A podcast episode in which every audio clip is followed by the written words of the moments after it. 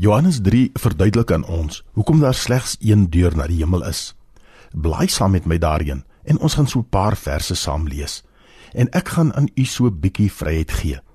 U is een van daardie mense wat glo dat daar baie weë na die hemel is.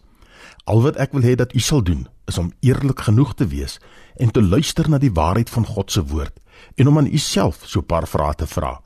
Kom ons lees daarvan af vers 1 in Johannes 3. Daar was 'n man met die naam Nikodemus.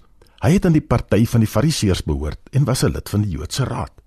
Die Fariseërs was leiers op godsdienstige gebied in Israel en Nikodemus was een van die leraars. Hy was 'n leier en gerespekteerd. Hy was 'n getroue student in die woord. Vers 2.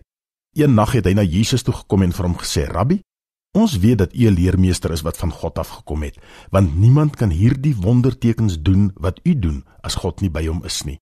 Onmiddellik antwoord Jesus in vers 3: Dit verseker ek jou, as iemand nie opnuut gebore word nie, kan hy die koninkryk van God nie sien nie.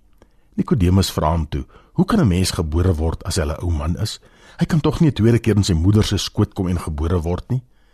Jesus het geantwoord: Dit verseker ek jou, as iemand nie uit water en gees gebore word nie, kan hy nie in die koninkryk van God kom nie. Wat uit die mens gebore is, is mens, en wat uit die gees gebore is, is gees. En luister wat sê Jesus nou in vers 7. Moenie verbaas wees dat ek vir jou gesê het jy moet opnuut gebore word nie.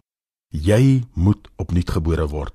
Met ander woorde, as jy as fariseer, as leermeester, as goeie mens, as geregverdig met al jou reinigingswette, alles wat jy gedoen het, as jy wil hemel toe gaan, moet jy opnuut gebore word.